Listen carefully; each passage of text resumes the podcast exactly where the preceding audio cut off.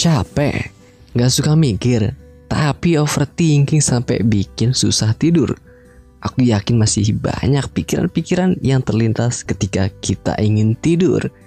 Sekarang, lewat podcast Ampe Ngantuk, aku bakal nemenin kalian dengan berbagai kisah kasih pengalaman hidup setiap minggunya. Tungguin aja, jangan sampai ketinggalan.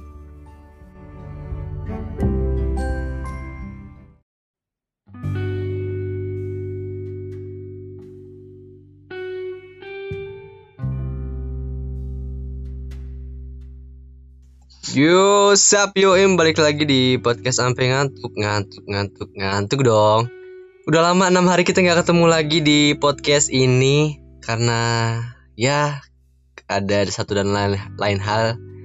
Kalau lebih tepatnya kayaknya belum bisa konsisten upload hari apanya, cuman um, aku pengen konsisten untuk uh, upload terus gitu walaupun belum pasti harinya, tapi nanti juga kayaknya aku bakal coba pastiin juga biar jadwalnya teratur gitu. Dan kali ini aku nggak sendiri buat ngobrol uh, perihal tentang pelampiasan. Yeah. dan please welcome Ravenska Bani Larasati halo Venska. Ya halo. Cia elah.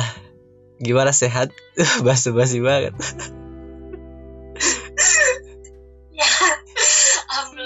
sentosa luar biasa. Bagus lah kalau gitu.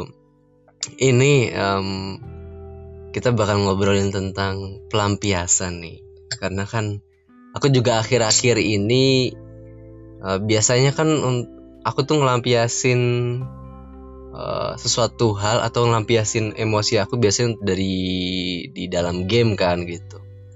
Dan sekarang-sekarang aku teh Eh, akhir-akhir ini main game udah nggak bisa ngerasain hal itu gitu. Udah nggak bisa game itu udah jadi bukan uh, tempat pelampiasan aku gitu. Nggak tahu kenapa kayaknya sih harus perlu yang lain gitu. Nah kalau kamu sendiri nih ada nggak sih uh, cara buat ngelampiasin sesuatu? Kalau aku kan dari game gitu ada. Kalau aku ngelampiasin suka ke hobi. Kebetulan kan hobi aku kayak buat fotografi gitu. Terus ya paling jalan-jalan keliling kota sendiri. Kayak gitu sih. Oh cie lah jalan-jalan mulu. Apa, apa misalnya ya paling denger musik gitu. Cuman lebih banyak ke fotografi. Kayak ya edit-edit foto edit video gitu. Tapi kalau misalnya uh, mood aku lagi jelek biasanya hasil editan aku juga jelek gitu karena itu ngaruh banget sama mood. Tapi kalau misalnya ngelampiasin bukan karena mood jelek ya karena ya bete aja nggak karuan nggak jelas gitu. Ya hmm. paling itu sih. Ini ke ya jalan keliling-keliling kota sendiri. Cielah uh, btw eh Penska belum kenalan dulu ih ke pendengar aku. Pendengar aku tuh namanya teman ngantuk. Ya. Yeah. Jadi uh, aku apa yang kau yang kenalin nih? Dari aku dulu ya. Penska ini yang kamu aja yang kenalin. Oke, okay. Penska ini adalah seseorang dari mahasiswa akhir atau mahasiswa udah lulus, cuman belum wisuda di salah satu perguruan tinggi di Bandung. Ya, yeah. ya kan, bener kan? Iya benar. yang lagi nunggu masa-masa wisuda terus sama sambil nyari-nyari uh, sampingan uh, nyari-nyari kerjaan juga. Uh, balik lagi lanjut lagi ke topik uh, pelampiasan nih. Kalau uh, di dalam hubungan kan uh, ada namanya pelampiasan juga dong. Nah uh, kalau aku sendiri tuh uh, di di hubungan sih emang nggak bukan nggak pernah mungkin ya atau tapi aku ngerasa sih aku nggak nggak pernah ngelampiasin ke pasangan gitu ngerasanya sih. Aku ngelampiasin ke sesuatu hal yang lain gitu kalau di dalam hubungan gitu. Kayak contohnya kayak main game yang yang tadi aku bilang juga itu aku ngelampiasin di banyak uh, emosi-emosi yang aku lampias tuh lampiasin tuh di dalam game gitu. uh, termasuk juga dalam hubungan gitu. Jadi yang yang tertahan nih yang emosi-emosi tertahan tuh aku luapin di dalam game biasanya gitu. Makanya agak sedikit toxic mungkin gitu uh, bicaranya. Nah kalau kalau kamu sendiri nih pernah nggak sih uh, ada case atau kasus buat eh pernah uh, ngelampiasin ke pasangan gitu? Kalau aku sendiri sih asli enggak sih. Kan aku bisa dihitung jari mantan cuma dua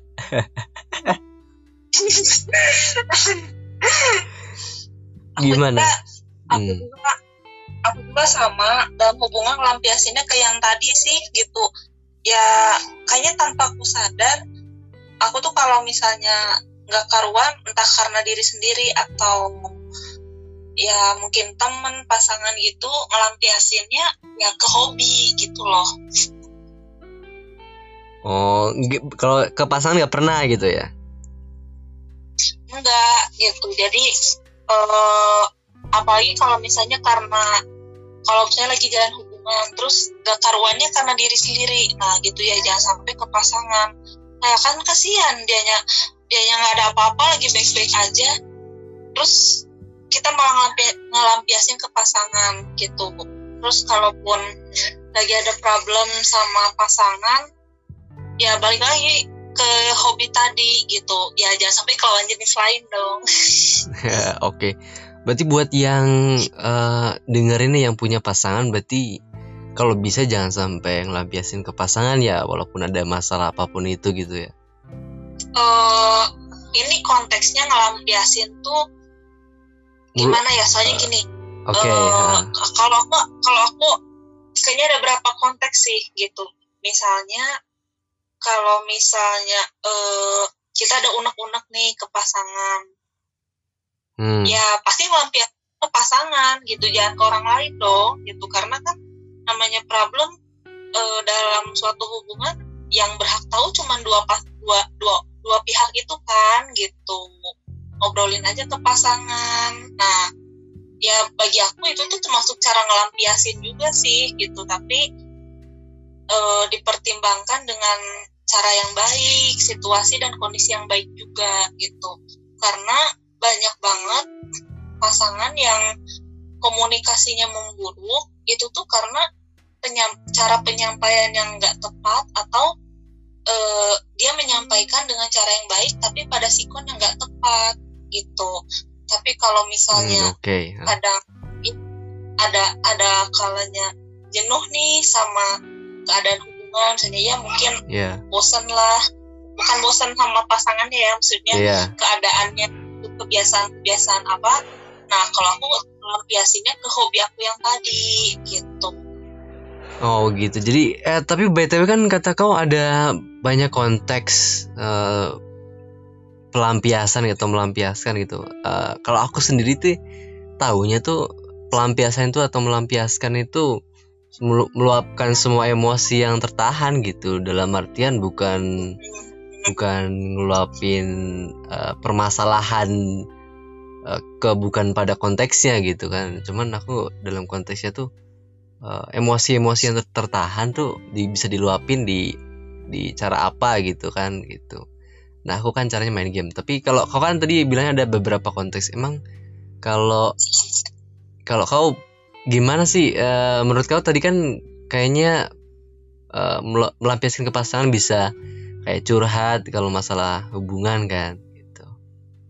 Hmm. Oh, berarti kan meluapkan emosi yang kau maksud atau jadi pelampiasan ini kan uh, pada konteksnya gitu dalam artian kan Mm-mm, gitu jadi lihat dulu konteksnya ya kalau misalnya misalnya ini sama pasangan uh, kita ada emosi yang belum terluapkan nih ke pasangan ya menurut aku pasangan juga berhak tahu gitu karena kebanyakan uh, pasangan tuh bisa salah paham tuh karena salah satu pihak atau kedua belah pihak tuh menunggu pasangannya peka gitu ah diam aja deh biar dia yeah. sadar sendiri gitu. Yeah. Nah, itu kan uh. itu kan berarti berarti orang itu nggak melampiaskan emosinya kan gitu. Misalnya, uh. eh, kita tuh kurang suka nih pasangan gini, tapi uh. karena karena terpaku nunggu peka ya udah diam akhirnya emosi tidak terlampiaskan gitu. Uh. Jadi kan lama-lama juga bakal jadi bom yang meledak lah iya jadi konteks melampiaskan uh, emosi itu nggak selalu negatif ya sebenarnya ya hmm, betul karena sebenarnya kata emosi itu bukan emosi negatif gitu. Karena misalnya kita uh, senang kita ini tuh udah termasuk ya emosi gitu. Ada emosi positif negatif. Gitu sih kalau yang ya yang selama ini aku pelajari. Iya elah. Emang kakak jurusan apa Kok pelajarannya emosi-emosi semua Perasaan-perasaan semua? Oke okay.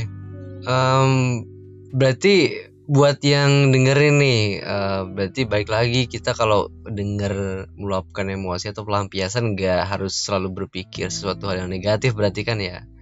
Harus di iya, gitu. uh, pikir kalau emang kayaknya aku perlu meluapkan emosi deh kayaknya aku perlu pelampiasan deh. Kalau ada orang yang ngomong gitu nggak jangan uh, selalu untuk dipikir negatif gitu kan? Mm terus uh, tentang pelampiasan uh, karena kan tadi aku bilang uh, nggak selamanya negatif ya yeah. gitu. ada yang positif nah misalnya kalau aku melampiaskan sesuatu yang ingin aku ekspresikan nih apakah marah apakah bahagia atau apa nah hmm. misalnya kalau aku melampiaskan rasa bahagia aku nih misalnya habis ya dapat job atau apalah yang membahagiakan diri lah gitu ya mungkin aku dengan cara sama sih nggak beda jauh kayak yang tadi cuman lebih ke uh, kuliner kalau senang makan mulu gitu. ya. tapi tapi cewek tuh emang sih ada beberapa cara sih ada yang kayak teman kita juga ada loh yang uh, ngelampiasin dengan cara kalau galau gitu makan terus gitu loh. Dan efeknya juga naik uh, berat badannya jadinya kan gitu. Karena galau makan terus ngemil terus gitu jajan terus gitu. Cuman buat buat ini nih buat uh, orang-orang yang denger ini yang untuk untuk kita kan nggak tahu emang cara melampiaskan baik atau enggaknya kan. Uh, tapi yang kira-kira nih yang oke okay ataupun oh, tepat lah gitu buat buat kita melampiaskan tuh menurut kamu tuh gimana? Ya, hal apa yang tepat hobi gitu? Sih, hobi yang gak merugikan orang lain ya gitu. Hmm. Tapi merugikan diri sendiri gitu. ya enggak juga. Karena kan ya yang merasa sebenarnya merasa rugi untung kan ya diri sendiri. Karena gini, eh, kalau orang itu melampiaskan ekspresinya ke hal tersebut ya pasti dia e, berpikir bahwa si, si sesuatu itu menguntungkan dia gitu. Karena melalui cara tersebut dia bisa mengekspresikan apa yang dirasakan saat itu gitu. Kalau misalnya dia merasa rugi ya dia nggak akan memilih cara itu untuk melampiaskan ekspresinya gitu emosinya. Hmm. Tapi kalau orang yang um, melampiaskan emosinya di media sosial gimana? Kayak contohnya itu uh, nyinyir gitu kan? Itu kan salah satu bentuk pelampiasan ke uh, apa yang ada di benaknya gitu kan? Tapi diungkapinya di media sosial. Nah tanggapan kau gimana? Menilai kayak gitu lebih berusaha maklumin sih karena tiap orang punya cara yang beda-beda ya buat melampiaskan huh. perasaannya gitu. Tapi memang uh, ada kalanya kita harus berpikir untuk bijak dalam menjalankan media sosial. Yo. Gitu karena hmm. kar kalau misalnya kita terlalu intens mengungkapkan uh, perasaan kita, urusan pribadi kita gitu. Ya selain membuat para pembaca status-status kita mungkin risih, tambah lagi uh, semakin banyak orang yang tahu masalah kita yang sebenarnya tuh orang lain nggak perlu tahu gitu makanya tapi gini loh kadang orang bisa sampai yeah. Ya. uh, melakukan emosinya ke media sosial yeah. kadang dia tuh merasa dia nggak punya partner yang bisa dia ya untuk menjadi pendengar gitu oh. ya udah biasanya kayak gitu gitu. Kayak bisa gini dia tuh punya temen deket banyak sorry ada iklan tapi, tadi ya? Hmm, tapi dia merasa uh, teman-temannya itu nggak jadi pendengar yang baik buat dia gitu. Ketika dia cerita cerita malah kayak adu nasib lah gitu. Kayak uh, ih masih mending kamu aku bla bla bla bla bla gitu. Atau misalnya oh iya sabar aja ya gini gini gini. Atau misalnya orang itu sebenarnya pengen minta saran butuh solusi ya cuma disuruh sabar gitu ya akhirnya dia lebih memilih ngungkapin itu di media sosial gitu bisa juga dengan harapan ada yang ngasih respon positif, saran positif, ngasih saran gitu atas masalah yang dia luapin. Tapi ada juga yang ya udah dia cukup ingin melampiaskan aja gitu. Oh. Tapi emang juga kalau melampiasin ke media sosial emang banyak ininya sih jadi jadi uh, pro kontra juga. Tapi um, jadi stigma teman-teman yang di sekitarnya ataupun orang-orangnya mungkin bakal agak sedikit berubah pikiran uh, pandangannya terhadap nah, iya. orang ini gitu kan uh, entah iya, baik buruknya gimana gitu tapi akan uh, merubah pandangan itu kan. Berarti kalau di media sosial ini emang sebenarnya harus di, uh, difilter ya untuk kita sharing gitu untuk kita upload di sosial media gitu. Apa yang uh, seharusnya diupload dipikirin gitu. Tapi kalau banyak kan orang yang pakai media sosial itu untuk upload nggak langsung nggak dipikirin gitu. Jadi langsung aku pengen upload upload aja gitu. Um, dalam artian tanpa mikir panjang gitu iya kalau kau sendiri Karena gimana? Mikirnya tuh segimana sih kayak upload foto untuk konten jalan-jalan gitu. itu pasti dipikirin ya, kan? Aku kan uh, balik lagi yang utama bukan karena uh, terlalu sibuk dengerin pendapat orang lain ya, ya. tapi kayak jangan sampai apa yang aku tebarkan di media sosial tuh merugikan orang lain gitu. Nah sekarang misalnya kalau aku uh, upload uh, kayak hobi aku kayak gitu, ya udah, ya aku merasa itu nggak merugikan akan aku upload, akan aku tebarkan di medsos gitu. Nah soal respon siapa pun yang lihat uh, apa yang aku post itu ya udah itu aku udah lepas tangan gitu. Karena aku kan nggak bisa membungkam seribu mulut gitu loh yang lihat postingan aku gitu. Karena uh, selain yang tadi ya misalnya kalau orang yang posting tentang masalah dia gitu. Ha. itu kan cenderung cenderung mungkin ya cenderung negatif sih kalau aku lihat gitu kalau terlalu intens di sebar media sosial. Yeah. nah jangankan yang kayak gitu kita sharing hal positif aja ya pasti ada aja minimal satu orang yang yang nggak suka gitu dengan apa yang kita posting di medsos gitu uh. jadi ada kalanya kita nggak jangan terlalu sibuk tuh takut di ini duh takut ada yang ngomen gini duh takut gini gini. Ya lama-lama itu eh, bakal bikin kita nggak jadi diri sendiri gitu. Kita terlalu sibuk memikirkan pendapat orang lain gitu Iya, uh, tapi uh, emang harus dipikirin juga kan gitu apa yang diupload juga gitu ya. Walaupun uh, kita nggak nggak dalam artian omongan orang lain yang mungkin jadi saran kritik bisa diterima, tapi kalau yang ganggu mah ya udah dibiarin aja bodo amat gitu ya. Betul. Oh. Gitu. Ya, walaupun itu kan jadi kita bisa mempertimbangkan porsinya gitu, terus sikonnya juga gitu. Oke. Okay ya lah ngomongin pelampiasan emang sebenarnya sih nggak ada habisnya cuman ya kayaknya emang perlu diobrolin deh. Soalnya kan kalau uh, ngelampiasin ke hal-hal yang negatif nggak baik juga gitu kan. Ya nggak sih?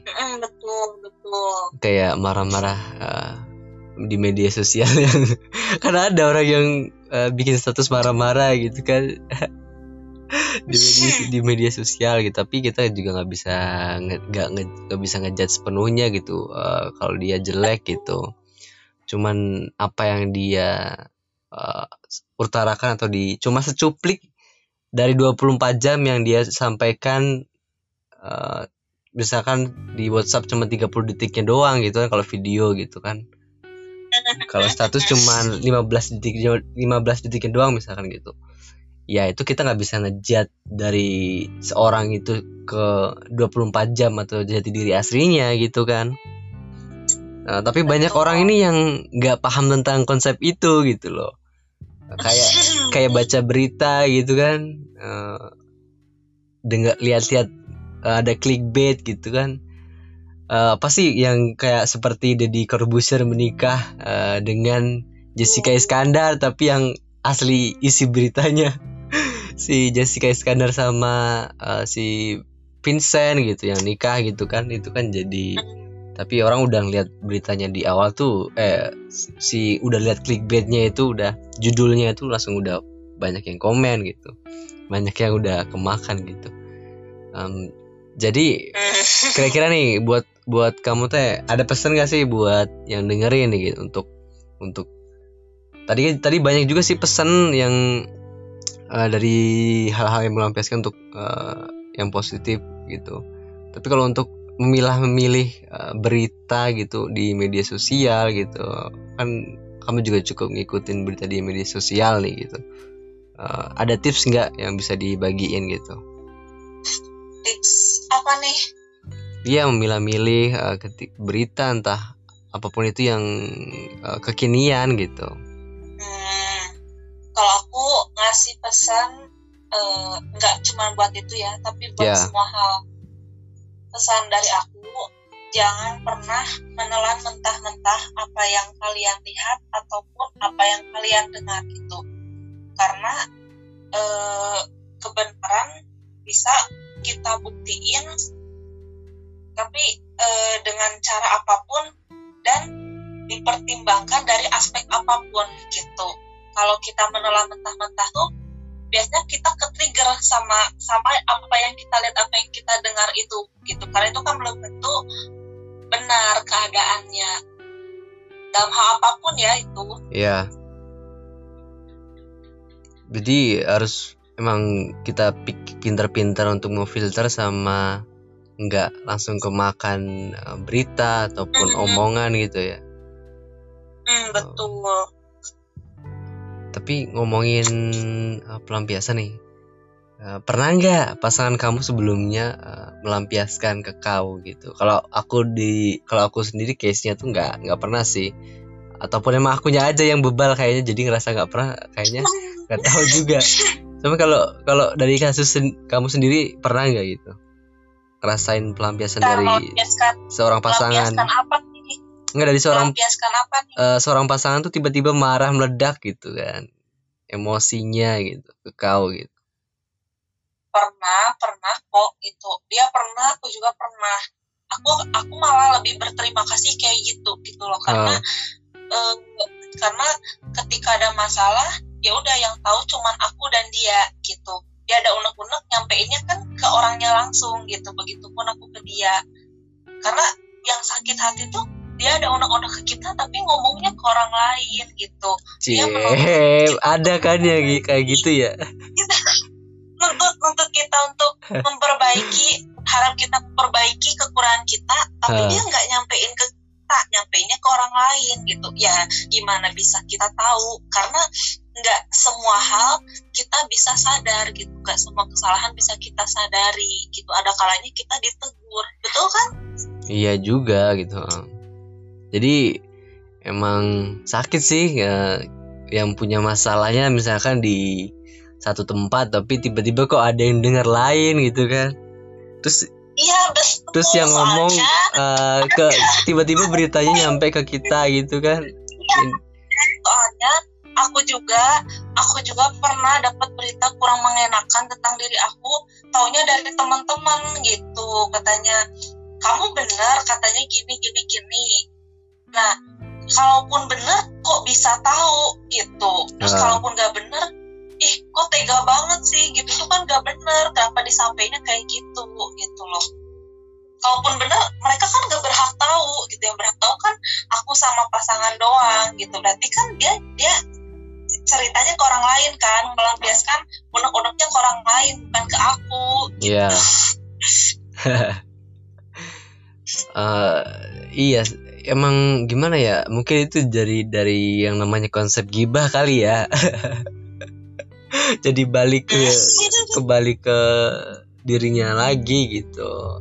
Kalau kalau gibain orang gitu kayaknya gitu sih kayaknya.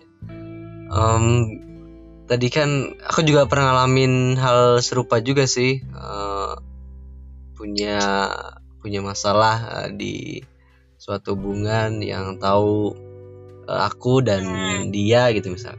Sama kok tiba-tiba uh, ada orang yang tahu gitu padahal aku nggak ngomong dan sebagainya. Tapi ya yang namanya orang Indonesia itu emang bisa dibilang nggak aku anggapnya kalau gitu kayak gitu care sih mungkin gitu. Mungkin karena care peduli gitu jadi ngomongin gitu.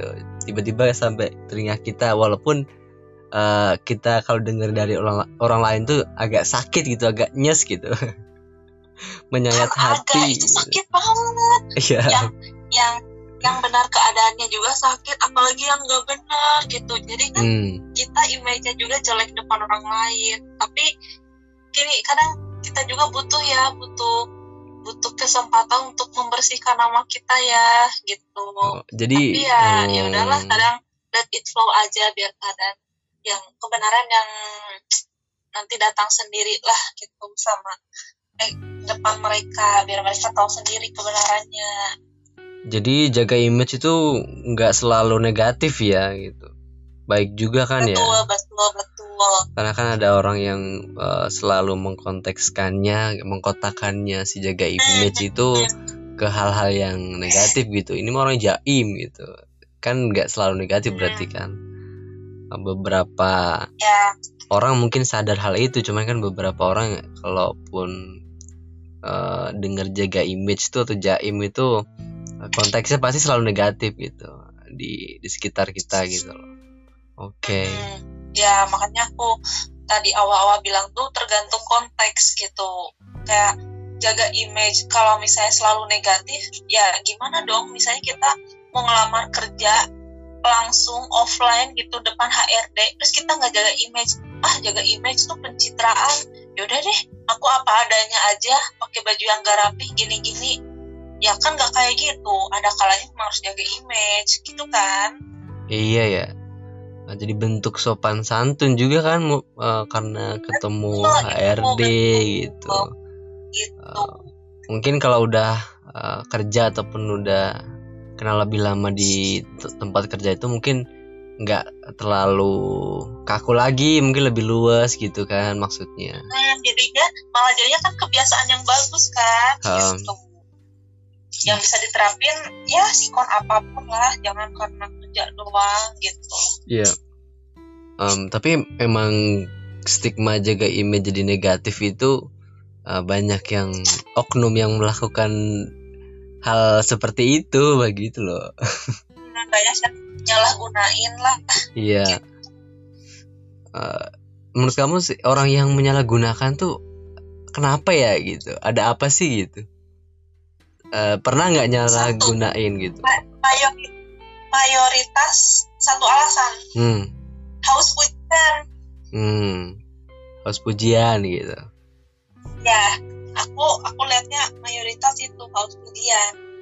K- kalau aku sih ada ada orang yang emang ini bukan haus pujian tapi emang pengen dikenal baik gitu. Di lingkungannya ada gitu tapi nggak nggak haus pujian gitu ada gitu. Di di di di kasus aku teh gitu. Em, jadi semoga kita nggak jadi oknum buat si jaga image ya gitu jangan sampai lah. Jadi yang buat dengerin juga eh, teman ngantuk juga jangan sampai eh, jadi oknum buat buat konteks apa pun. Jaga image ataupun eh, pelampiasan. Jangan jadi oknum jangan jadi oknum gitu. Jangan jadi oknum eh, korupsi koruptor. Aduh ya ampun. Negeriku ini emang banyak masalah tapi banyak juga eh, hal yang indah btw em, kapan nih traveling lagi kau Apa? kapan traveling lagi Aduh, nggak tahu. moodnya udah hilang uh, eh aku bingung juga sih sama kan kau juga tadi uh, nyinggung soal mood ya um, kayak edit foto sama video itu kan sesuai moodnya bagus gitu hasilnya oke okay gitu. Tapi kalau enggak itu mungkin bakal berantakan. Sama juga kayak traveling sesuai mood gitu kan. Moodnya oke okay, berangkat tapi kalau enggak berantakan juga. Uh, tapi um, gimana gimana kalau misalkan uh, si traveling ini jadi pekerjaan kamu? Bakal kemudian lagi nggak gitu kalau nah, case-nya kayak gitu. itu aku tuh aku tuh menemukan solusi gitu. Karena kan namanya kalau udah pekerjaan tuh mood itu udah nomor sekian kan gitu. Nggak boleh yeah. ngikutin mood. Dan aku tuh nemuin solusi. Karena sempet aku pernah kerja juga di bidang fotografi mood itu masih masih melekat. Kemudian itu masih melekat dalam diri aku gitu. Ya kelihatan gitu. Ketika aku ngedit ngedit foto ketika mood aku lagi jelek hancur hancur banget editan aku tuh. Ya kayak tone tone warna tone foto-fotonya tuh pada aura-aura marah gitu. Tapi kalau misalnya moodnya bagus tuh ya enak juga. Hasil warna itu soft gitu. Enak lah pokoknya dilihat. Oh berarti kau itu sih sampai uh, sekarang belum bisa oh. belum bisa nemu cara buat menstabilkan mood gitu. Apalagi kalau ada tuntutan kerja um, kalau kalau aku sih ini pasti ada beberapa mode gitu kayak uh, mode kerja mode melampiaskan emosi di dalam game gitu. Terus uh, mode lain gitu mungkin. Uh, itu pasti beda gitu. Jadi aku kayak nggak terlalu terpengaruh sama um, mood sih kalau aku sih kalau sebenarnya gitu. Kayak kerja mau penuh tekanan itu aku malah suka gitu kerja penuh tekanan gitu di tempat kerjaan gitu. Karena yang sebelum-sebelumnya juga emang penuh tekanan gitu kerjanya tekanan dan harus agresif harus cepet gitu untuk kerjanya gitu. Jadi sebenarnya itu ada poin plus buat aku bisa kerja lebih efektif atau lebih cepat juga gitu. Dan pasti juga ada orang yang emang ini uh, seperti kau juga yang uh, kemudian gitu kalau di bidang-bidang uh, editor fotografi uh, sinematografi gitu kan. Um, kalau aku sendiri ngatasinya sih pakai beberapa mode itu gitu. Ada mode jadi mode kerja mode main game mode males itu banyak. Se sebenarnya orang kayaknya juga ada yang kayak gitu gitu loh. Kayak aku lihat artis-artis sendiri kayak Raffi Ahmad itu kayaknya beberapa mode banyak banget itu. Uh, mode kerja mode mode meeting terus mode istilahnya mode ketika dia bikin konten di vlognya sendiri itu tuh aku ngelihatnya pembawanya itu eh, beda-beda gitu loh. Uh, dalam artian ada orang yang bisa kayak gitu gitu loh. Nah nah orang yang belum bisa uh, mengadaptasi mode ini atau metode ini kan juga agak kesulitan nanti kalau misalkan sesuatu yang disukai disukainya gitu jadi pekerjaan kan betul. Ya, ya suka fotografi jadi pekerjaan. Waduh ini kan uh, tuntutan jadinya gitu. Jadi kalau sesuatu udah jadi tuntutan kan mungkin keasikannya beda gitu kan. Eh, dari yang awalnya bikin sendiri enak sendiri senyaman nyamannya gitu kan. Kalau udah jadi tuntut tuntutan gitu btw uh, eh, ini um, pesan juga dong. Uh, kan kita udah eh bukan kita sih aku masih mahasiswa akhir karena aku belum lulus kan. Um, kan kau juga belum wisuda ya tapi juga uh, anggap aja belum lulus aja gitu. Tinggal nunggu wisuda juga iya. gitu. Pesan dong buat uh, mahasiswa tahun baru nih di angkatan nanti 2000 berapa 22 berarti di angkatan 2022 iya. pesan buat mahasiswa baru dari mahasiswa akhir nih. Ada nggak dari kau kalau kayak gitu untuk uh, kayaknya ini jadi pembahasan terakhir ya di episode kali ini gitu. Ada nggak pesan buat mahasiswa baru?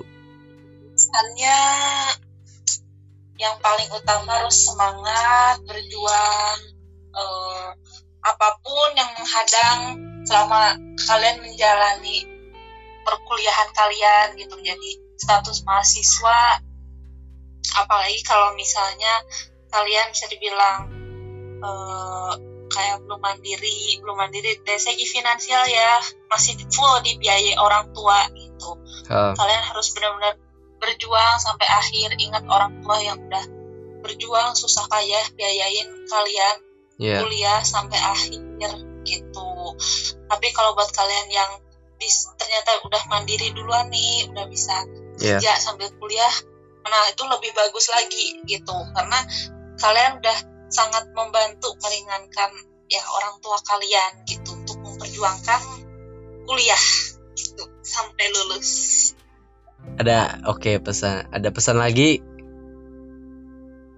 Udah. Udah. Nah, dari aku sih buat yang dengerin nanti uh, buat episode ini gitu ataupun episode-episode sebelumnya dan juga buat mahasiswa-mahasiswa yang dengerin di uh, podcast sampai ngantuk ini. Aku juga nggak tahu seberapa banyak uh, yang dengerin tuh mahasiswa gitu.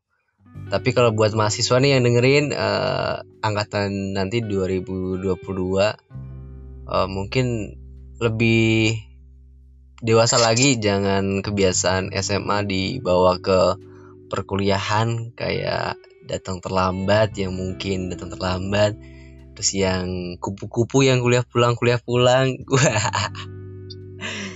Eh, ataupun terlalu jadi kura-kura uh, kuliah rapat kuliah rapat gitu kan. Itu juga jadi nggak baik gitu kan. Yang penting uh, kuliah tetap um, jadi kewajiban kewajiban jadi prioritas kalaupun nanti ada kegiatan-kegiatan lain uh, jadiin prioritas ke selanjutnya gitu. Jangan sampai si prioritas kuliah ini jadi uh, bukan prioritas ataupun jadi prioritas yang terakhir gitu kan. Uh, kan soalnya di di kita ataupun eh bukan kita ya di aku sendiri emang jadi prioritas. Cuman apesnya aja nilainya jelek-jelek nilainya jelek-jelek gitu. IPK, uh, IPK-nya nggak sesuai yang diinginkan. Jadi buat nanti yang calon mahasiswa baru uh, sebisa mungkin mah absen tetap uh, masuk tetap lah gitu. Sama sebisa mungkin tetap menjawab pertanyaan dari dosen gitu kan kalau ditanyain. Jangan sampai uh, kalau ditanya nggak dijawab gitu. Se sebisanya dijawab dosen bakal ngapresiasi lebih uh, terhadap kau gitu kan uh, sebagai mahasiswa baru gitu. Apalagi kalau aktif untuk bertanya gitu pasti jadi uh, incaran dosen juga untuk dicariin gitu. Hey si Aan ke mana gitu? Kok nggak ada gitu? Btw uh, buat yang dengerin Aan teh adalah nama panggilan aku gitu ya. Ya fans ya iya. Uh, ini Fanska juga sempet satu fakultas sama aku di dua semester ya fans nah terus semester iya. tiga dia cabut ke kampus lain dan akhirnya bisa lulus. Tapi syukur juga sih bisa lulus gitu. Kali aja cabut tiba-tiba kerja gitu kan dan nggak kepikiran kuliah lagi. Wah itu kan sayang juga gitu udah dapat dua semester gitu istilahnya dapat berapa bulan tuh 8 eh, bulan perkuliahan gitu. Dan satu tahun uh, satu tahun ajaran kan sayang juga kalau kalau cabut gitu. Jadi uh, itu aja buat takeaway-nya episode kali ini. Dan terima kasih buat fans kak. Eh, yang udah mau ya, jadi yang udah mau jadi pembicara ataupun udah mau nemenin uh, untuk episode kali ini. Aku bahas uh, pelampiasan uh, emang tadi pengen juga juga kepikiran dari kemarin-kemarin bahas tentang ini gitu dan berlanjut uh, tadi ke topik-topik yang lainnya dan ambil eh ambil dan ambil sisi positifnya buat yang dengerin dan buang sisi negatifnya. Terima kasih sudah mendengarkan dan sampai ketemu lagi di episode selanjutnya. Terima kasih fans kak. Terima kasih juga. Dadah. Dadah.